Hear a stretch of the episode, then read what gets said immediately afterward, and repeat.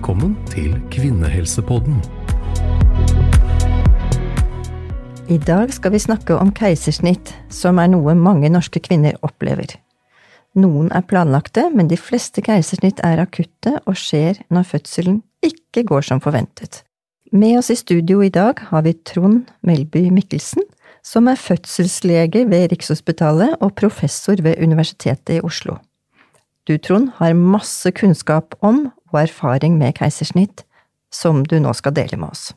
Karoline, du har både opplevd en vaginal fødsel og et keisersnitt, og jeg gleder meg til å høre historien din. Så, Trond, rundt 15% av alle fødsler i Norge ender med keisersnitt. De fleste er faktisk akutte, og så er det ca. en tredjedel som er planlagt. I Norge har forekomsten av keisersnitt vært litt synkende de siste ti årene, men globalt ser man en annen trend. Kan man kalle det en keisersnittepidemi? Ja, vi kan faktisk det. I, I, verden så er det flere som kaller det en keisersnittepidemi, og det er fordi at andelen keisersnitt har økt ganske dramatisk på 2000-tallet. Fra 2000 til 2015 så var det nesten en dobling i andelen keisersnitt i verdensmålestokk. Eh, så det er en ganske bratt økning på den kurven. Og så er det sånn, og det, det, er et paradoks, at på samme tid så gjøres det både for mange og for få keisersnitt i verden. Eh, keisersnitt kan være et livreddende inngrep for mor og for barn når fødselen ikke går som den skal. Og i noen land, og det er særlig på det afrikanske kontinentet, så er det tilgangen til keisersnitt så dårlig at det øker mødre- og spedbarnsdødeligheten. Og så er det helt andre steder i verden hvor det gjøres så mange keisersnitt at eh, det også øker sykeligheten og kanskje dødeligheten for mor og barn. Man kan se for seg en slags uforma kurve, hvor det fins et punkt som er litt vanskelig å feste, som er det optimale antallet keisersnitt, og gjør man for få eller for mange, så er det negativt for mødrehelse og barnehelse. Og Norge, som har rundt 15 keisersnitt, hvor ligger vi i den vi ligger lavt i verdensmålestokk i andel keisersnitt, og det er få land som har en synkende trend, sånn som Norge. Så vi skiller oss litt ut, da, norsk fødselshjelp, i, i verdensmålestokk. Det er interessant, og det er faktisk mange som sier 'look to Norway', fordi vi skiller oss litt ut i europeisk sammenheng, kan du si. Veldig mange andre europeiske land har vel keisersnittfrekvenser opp i 20-30% Kanskje enda høyere også? Ja, mange land som vi kan sammenligne oss med, gjør opptil dobbelt så mange keisersnitt som oss. da. Og så er det jo viktig da samtidig at norsk, resultatet av norsk fødselshjelp er også i verdenstoppen, må vi kunne si. Eh, spedbarnsdødeligheten er blant de laveste i verden, og utfallet for mødrene er blant de beste. Ja, for det er viktig at resultatet Man må ikke bare se på prosentene, man må se på at resultatet skal bli bra. Ja, og mye av det som, som, vi snakker om om fordeling av verden, og det handler om å bruke keisersnitt riktig, da. Og når er det riktig å gjøre keisersnitt? Kan du si noe om det? Som fødselslege, så Den vanligste grunnen til at vi gjør keisersnitt, er jo to ting. Det er enten at fødselen stopper opp, ikke går framover sånn som den pleier, eller at eh, barnet i magen er stressa av fødselen. Det står for, hoveddelen av keisersnittene ja, i Norge og i mange andre land. Og nå snakker vi om de akutte keisersnittene, ikke de planlagte. Det er, ja. Mm. Det er det akutte som er den største andelen. Ja. Og så det er kanskje viktig å påpeke at når vi sier akutte keisersnitt, så er ikke det en sånn blålysaffære som regel. Det, er, det betyr at keisersnittet ikke er planlagt, men som regel gjøres det i ro og mak, med god kontroll. Ganske likt et planlagt keisersnitt. Det er viktig, for akutt er jo et ord som får mange til å tenke på en helt annen eh, dramatisk situasjon. Så der eh, er det viktig at vi får den informasjonen ut til andre. Hvordan foregår et keisersnitt på sykehuset? Dette som du gjør så ofte, hvordan gjør dere det? Keisersnittet foregår på, på operasjonsavdelinga, på operasjonsstue, der man har muligheten til å gjøre ting i, under sterile forhold. Eh, nå gjøres nesten alle keisersnitt med spinalbedøvelse, dvs. Si at man får et stikk i ryggen. Mor er våken. Eh, kjenner ikke smerte der vi opererer, men kjenner at vi drar og trykker og dytter litt. Eh, det er litt rart at den følelsen er intakt, men man, man kjenner ikke at det gjør vondt. Så, det, så må man jo åpne opp magen, ofte med et tverrsnitt, som vi sier, helt lavt på magen. Eh, bikinisnitt er det mange som kaller det. Mange kaller det bikinisnitt. Den ligger innenfor mm, bikinien. Eh, og så må man gjennom noen lag til man kommer ned til livmoren. da, Og så må vi åpne den. Bruke som regel kniv, kutte oss gjennom veggen og hente barnet ut. Eh, fra vi begynner å skjære til barnet ute, så tar det fem minutter eller kortere som regel. Men så bruker vi litt tid på å lukke pent igjen etterpå, så hele inngrepet tar en halvtime. Eller litt mer. Så hender det at det kan ta litt lengre tid, at det kan være litt komplikasjoner? Det gjør det. Eh, hvis man har, vært, har gjort keisersnitt tidligere, har hatt operasjoner i magen før, og det er litt arrvev, så tar det lengre tid å komme til. Eh, og så er det ikke helt uvanlig at det er ekstra blødninger og andre komplikasjoner ved keisersnitt som vi må bruke tid på å håndtere før vi kan lukke igjen. Så etter at man har hatt keisersnitt, så kommer man først på en intensivavdeling, og så kommer man på en barselavdeling. Hvor lenge er man innlagt etter et keisersnitt? På den overvåkningsavdelinga etterpå er man noen timer til man ser at ting er stabilt og effekten av spinalbedøvelsen har gått ut. Og så er det vanlig å ligge på barselavdeling tre-fire dager etter operasjonen. Og det kan variere veldig mye med hvordan, hvordan formen er, og hvordan, hva som har grunn til keisersnitt, og hvordan det har gått. Så der er det stor variasjon. Ja. Vi snakket om at det var fordeler og ulemper med keisersnitt. Kan du si noe om hvordan det går med mor etter et keisersnitt? Ja, eh, keisersnitt er jo som du var inne på, vi gjør det jo det hver dag, og det, et, det går jo bra, sånn som vi opplever det. Det er litt flere komplikasjoner enn med vanlig fødsel. Og det handler særlig om blødning. Det er litt oftere mer blødning ved keisersnitt. Eh, komplikasjoner knytta til operasjonen som kan være infeksjon. Eh, og sjeldnere at man får skade på noen andre organer i forbindelse med inngrepet. Det er mer sjeldne komplikasjoner, da.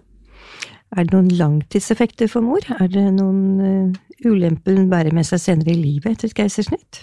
Ja, hvis man har planlagt flere barn, så, det, så blir det en litt annen håndtering hvis man skal føde etter man har hatt keisersnitt. Uh, og så ser det ut som det er noen sammenhenger med, med andre komplikasjoner etter et keisersnitt. At man litt oftere har spontanabort, at man litt oftere kan få svangerskap utenfor livmoren. At man litt oftere får komplikasjoner knytta til morkaka og plassering av den. Ja. Så det er noen komplikasjoner, så da er det jo veldig viktig at vi har en god grunn for å gjøre keisersnitt. Ja, Det er derfor vi tenker at det, det er viktig å bruke keisersnitt riktig, da, på de riktige, ved de riktige grunnene og de, til de riktige kvinnene. Men så barnet, da. Det er jo lett å tenke seg at det å bli løftet skånsomt ut av magen, sånn som man blir med keisersnitt, at det er veldig fint og skånsomt for barnet. Er det sånn? Eh, ja, det er en helt naturlig tanke, og så viser jeg at det er ikke helt sånn det ser ut som. Det er mer og mer som tyder på at det er flere fordeler for barnet med å bli født på den vanlige måten. Og det, det kan ha noe med å gjøre med det mekaniske trykket, at man blir trygt og pressa gjennom fødselskanalen. Det ser ut som det gjør at man lettere kvitter seg med alt det fostervannet som barna har i, i lungesekken sin. Ehm, man tror kanskje at eh, stresshormonene som er i sving under fødsel, har noe å si, altså som adrenalin, som kortisol, som, som påvirker hvordan barna har det når det kommer ut. Og så er det tilsynelatende et eller annet også med bakterieflora man blir eksponert for gjennom fødselskanalen, altså gjennom, når man passerer ut gjennom livmorhalsen, gjennom skjeden til mor og kommer ut den vanlige veien, så blir man eksponert for en del bakterier som man ser igjen uker og måneder, noen ganger år etter fødsel, at de som blir født på den måten, har en annen bakterieflora enn de som blir født ved keisersnitt, og kanskje at det kan ha påvirkning på helsa mer på sikt. da. Vi ser at barn som blir født med keisersnitt, litt oftere har pustevansker og sånn etter fødsel, på helt kort tid, da. Og det kan ha noe med mekanikken i forbindelse med, med fødselen å gjøre. Men på lang sikt så er det også en del utfordringer knytta til det med Særlig når det gjelder pust, av sykdommer som astma, men også diabetes og overvekt. Det ser ut som det er mer om, i, keisersnittgruppa enn de som er født på vanlig måte. Ja, det er riktig at det er også et alvorlig inngrep for barna, og igjen da veldig viktig at vi bruker god kompetanse for å gjøre de riktige keisersnittene. Så snakket vi om eh, neste fødsel, og det lurer mange på når du har hatt keisersnitt én gang, hvor er det noe føde etter det? Ja, ja, man kan det. Mange tenker at hvis man har hatt keisersnitt én gang, så må man fortsette med det, men det viser seg at det å føde etter keisersnitt, det, det, er fullt mulig, og at de fleste lykkes med det. I Norge så ser det ut som åtte av ti som prøver å føde etter et keisersnitt, de, de, klarer det, og, og føde vanlig, med gode resultater. Sånn at det, når det ligger til rette for det, så er det noe som er verdt å forsøke. Men så er det kanskje noen som har hørt om at det kan gå hull på livmoren i arret. Kan du si noe om faren for det? Ja, det er, en, det er en kjent komplikasjon. Det man tenker seg, er at vi har kutta livmoren åpent, som vi snakka om, og sydd igjen, at det er et arr som kan være en svakhet når man har ria i neste fødsel. Men det er, viser seg er en veldig sjelden komplikasjon. Og når vi overvåker fødsel sånn som vi gjør nå, med med fødsel etter keisersnitt, så er, kan vi si at det er helt trygt å forsøke. Og det er viktig, at de som har hatt keisersnitt før, de blir overvåket på en helt spesiell måte, så de skal føle seg trygge. Men så er det noen som har hatt to keisersnitt. Kan de føde etterpå? Det kan de også. Det er vanlig, ganske vanlig praksis å gjøre et tredje keisersnitt planlagt etter to, to keisersnitt, men, men, de som har sett på det, og de som har forsøkt, der viser det seg at også de Eh, i ganske stor grad lykkes med å føde når det ligger til rette for det. Ja.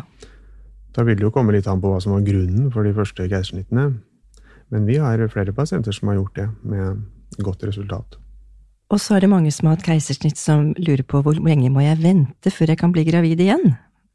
Ja, det er et veldig godt spørsmål, og det er litt vanskelig å svare presist på det, men det ser ut som, etter det vi vet, at å vente Seks til tolv måneder imellom er, er gunstig for at livmoren skal gro optimalt, og for at man, det ser ut som man får færre komplikasjoner av det.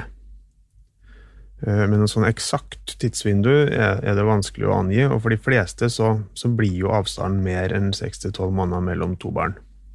Naturlig nok. Uansett. Så man kan altså føde etter to keisersnitt, men hvor mange keisersnitt kan man ha? Er det noen øvre grense hvor mange keisersnitt livmoren tåler? Det er nok vanskelig å si et eh, eksakt eh, tall på det, for det, der er det individuelle forskjeller. Men eh, det vi ser, er at problemene med operasjonen øker med antall keisersnitt. Det blir mer arrvev, og det er større sjanse for å få problemer, komme bort i andre organer osv. Så det, det beskrevet i sjeldne tilfeller at man har gjort åtte og ti og flere keisersnitt på samme kvinne, men det, det, er helt spesielt, da. Vi gjør noen ganger eh, Ganske ofte gjør vi et tredje keisersnitt, noen ganger et fjerde, og sjelden mer enn det, da. Og så er det noen som lurer på dette med sterilisering i forbindelse med keisersnitt. Kan du si noe om det? Ja, det, det, er en del kvinner som benytter seg av det, og typisk når de gjør det tredje keisersnittet, så ønsker de det. Og hvis kvinnen ønsker å signere begjæring om sterilisering, så er det et ganske enkelt inngrep å gjøre det samtidig med keisersnittet. Så det er både gratis og enkelt, og ikke noe bivirkninger med, men eh, det er det kvinnen som selv må velge. For eh, man kan også ha flere keisersnitt etter tre keisersnitt. Karoline, da, som vi har hørt, er keisersnitt et omfattende inngrep, noe du også erfarte da du fikk keisersnitt ved din andre fødsel. Nå har vi hørt hva Trond forteller. Kan du fortelle litt selv hvordan du opplevde å få keisersnitt? Altså hvordan selve operasjonen var da du ble mamma til Iben for et par år siden? Det kan jeg. Jeg skulle jo egentlig hatt et planlagt keisersnitt, som ble akutt. Eh, så det gikk ikke så rolig for seg som jeg kanskje trodde på forhånd. Men selve operasjonen eh, var en veldig fin opplevelse. Det er ikke noe noe dårligere opplevelse enn da jeg fødte første gang. Eh, det var like mange følelser, eller det å føde er jo spesielt, og det var ikke noe mindre spesielt, selv om det å føde i en operasjon er jo hakket mer klinisk enn å føde naturlig. Eh, men for meg så var det en flott opplevelse. Litt mer folksom opplevelse, med mye folk rundt meg.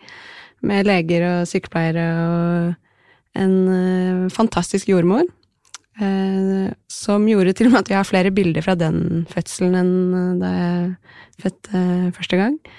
Så alt i alt var det en fin opplevelse. Mm.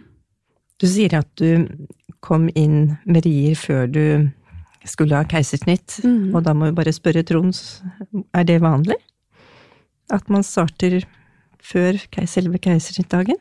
Nei, det, det er ikke så vanlig. Det, det gjelder ganske få, faktisk. fordi at når vi gjør planlagte keisersnitt, så planlegger vi ofte dem til en eh, uke omtrent før termin, for å unngå at, eh, at man skal gå i fødsel før det planlagte keisersnittet. For de som gjør det, så, så har vi jo på alle fødeavdelinger beredskap til å gjøre keisersnitt der og da, hvis det er sånn at her er det en medisinsk grunn til å gjøre keisersnitt.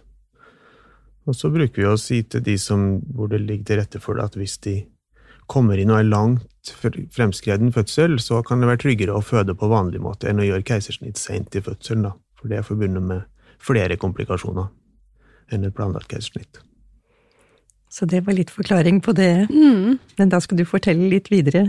Etter at Iben kom til verden, mm. kom du også på en eh, sånn intensiv- eller overvåkingsavdeling etterpå. Ja, og det er jo kanskje det som jeg tenker også er litt viktig å huske på da, når man skal ha keisersnitt. At det er jo en helt Det er jo liksom jeg sa, da, at det er en litt annen klinisk opplevelse. At du har jo født, og det, du får jo barnet på brystet Eller det burde du jo forberedt på at det, er ikke sikkert, men hvis eh, alt går fint og barnet har det fint, så For det er jo kaldt i rommet, så det er jo litt andre hensyn de må ta av hensyn til barnet. Eh, Så du får jo jeg fikk jo henne på meg, og fikk jo være sammen med henne, men så tar de henne jo bort. Eh, Og far forsvinner. eh, Og ja, det er jo da måtte, mora begynner, og da Selve fødselen tar jo veldig kort tid. Og så er det jo å sy, og da ligger du der jo aleine, og så er det opp på en intensivpost hvor du ikke ligger alene, hvor du ligger sammen med mange andre. Noen har vært Noen er jo andrefødende, det er barn, det er jo, da er det jo litt tilfeldig hvem som ligger rundt deg. Og da er du jo også aleine. Så det er jo noe man, må tenke litt over òg. Eh, Huske på at man blir litt alene i den situasjonen. Eh, Og så kom for min del så kom jo da legen og prata med meg etterpå, og fortalte hva som hadde, vært, eh, hadde skjedd, og at det hadde gått bra. Um, og det også er veldig fint, da. At man møttes utafor den operasjonssalen også, eh, og snakker med de som faktisk har, eh, har gjennomført inngrepet. Og så husker jeg jo ikke helt hvor lenge jeg lå der. Eh, og så kom jo Iben og pappa etter hvert, da. Og så kom du på Og så kom jeg på barselavdeling etter det. Mm. Hvordan var oppholdet der? Eh, Det er jo spesielt Jeg skulle jo av Jeg har jo ikke fått vært på barselhotell med noen av mine fødsler, og det å være på barselavdeling er jo eh, annerledes. Eh, Du er jo aleine. Eller er vet jeg ikke om det er forskjeller på sykehus til sykehus, da, men det er på Ahus hvor jeg fødte, så er det jo får jo ikke barnefar lov til å være til stede annet enn på dagtid. Og du deler jo rom med noen andre. Eh, og det var Men det går jo helt fint å være på barselavdeling, og det er jo masse flinke folk der. Eh, men det jeg kanskje var mest uforberedt på Jeg var ganske forberedt på operasjonen. Eh, og det har man jo hørt mye om i forkant, og vi var på kurs, og så selv om det ikke gikk som planlagt, da, så var jeg nok ikke forberedt på eh, hvor vondt det skulle rett på. For det var ganske eh, tøft. Eh, det å ikke klare å reise seg opp, eh, at du ikke klarer å føle at du klarer å gå.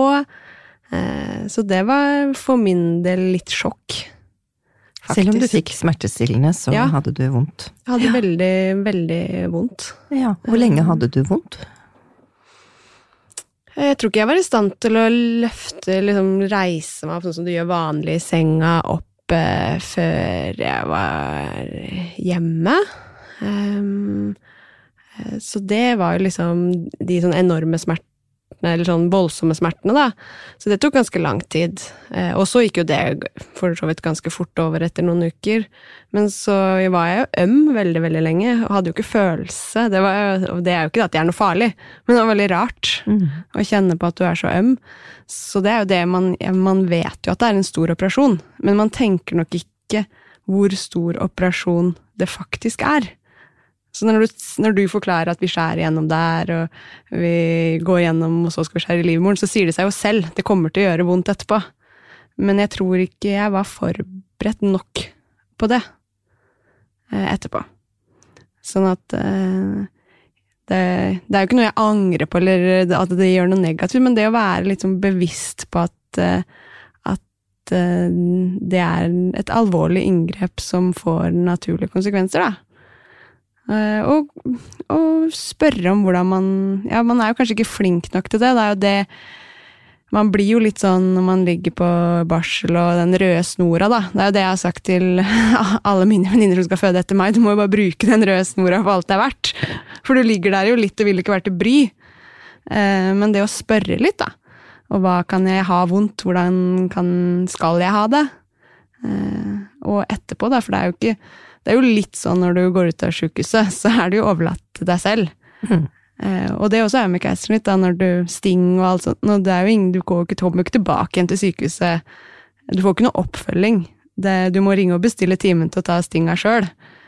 Eh, så ja, det er kanskje litt i tråd med Ja, det har vært litt sånn kritikk på det med oppfølging av, eh, av fødende, uavhengig av hva, hvorfor eller hva som har skjedd, da. Men at, eh, at eh, man blir flinkere til å kanskje etterspørre ja, hva man kan gjøre, og hva man har krav på, da. Mm. Etterpå. Og her gjøres det jo en del for å få bedre, bedre hjelp hjemme etterpå. Mm. Du ble jo anbefalt keisersnitt, så du hadde jo ikke noe valg. Kan du si litt hvorfor eh, du skulle ha keisersnitt denne gangen? Ja. Eh, jeg har jo to barn, da. Den første er født for snart seks år siden. Og det var jo en, et svangerskap som gikk helt perfekt. Fødselen gikk jo også helt perfekt, helt til det gikk galt. Og det var jo når eh, han kom ut, da. Så eh, revna jeg ganske Hva er det de har? En skala Det kan jo dere bedre enn meg, men en skala fra 1, 2, 3, A, B, C, D eller 4 eller Og det er jo en 3C, da. Så det får jo ikke vært så mye verre. Så da jeg Da opplevde jeg det samme, da. Da måtte jeg på operasjon etterpå og sy, da. Så da var jo fødselen for så vidt helt vanlig, men etterpåtiden ikke så vanlig. Eh, det gikk jo fint. Har ingen eh, skader eller ettervirkninger eh, i dag, men det Det var jo det som gjorde at jeg ble sendt, eller måtte utredes, eller hva det heter, da. At man kommer til Man blir for en time og utredning for om du skal ha keisersnitt, da.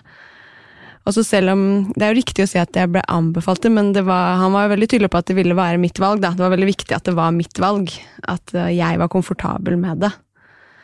Så, så han, legen, fortalte på en måte risikoen og var veldig tydelig på det, det som ble, har blitt sagt òg, med at det er en stor operasjon og en risiko. Jeg fikk høre alle de ulempene eh, tydelig presentert, eh, men at eh, for min del altså var det risikoen for å revne igjen var liten, men skulle det skje, så var risikoen for at eh, ting skulle gå dårlig, stor. Ja.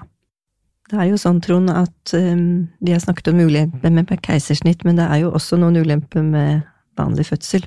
Og akkurat dette å revne er jo noe av det som kan skje. Heldigvis er det veldig sjelden. Heldigvis. um, og når det blir oppdaget og sydd ordentlig, så er det stor sjanse for at det går bra. Ja, det er en uh, Store rifter er jo en kjent komplikasjon ved fødsel, og det er jo noe som uh, Særlig de siste 10-15 årene har det vært jobba veldig systematisk i Norge for å få den andelen ned, og det har gitt store resultater. Så nå er det mye mindre vanlig enn før, heldigvis. Men man må ha fokus på det på alle fødeavdelinger hele tida. Også på Oslo universitetssykehus, der jeg jobber, så så har det vært en veldig fin utvikling. Det siste tiåret spesielt.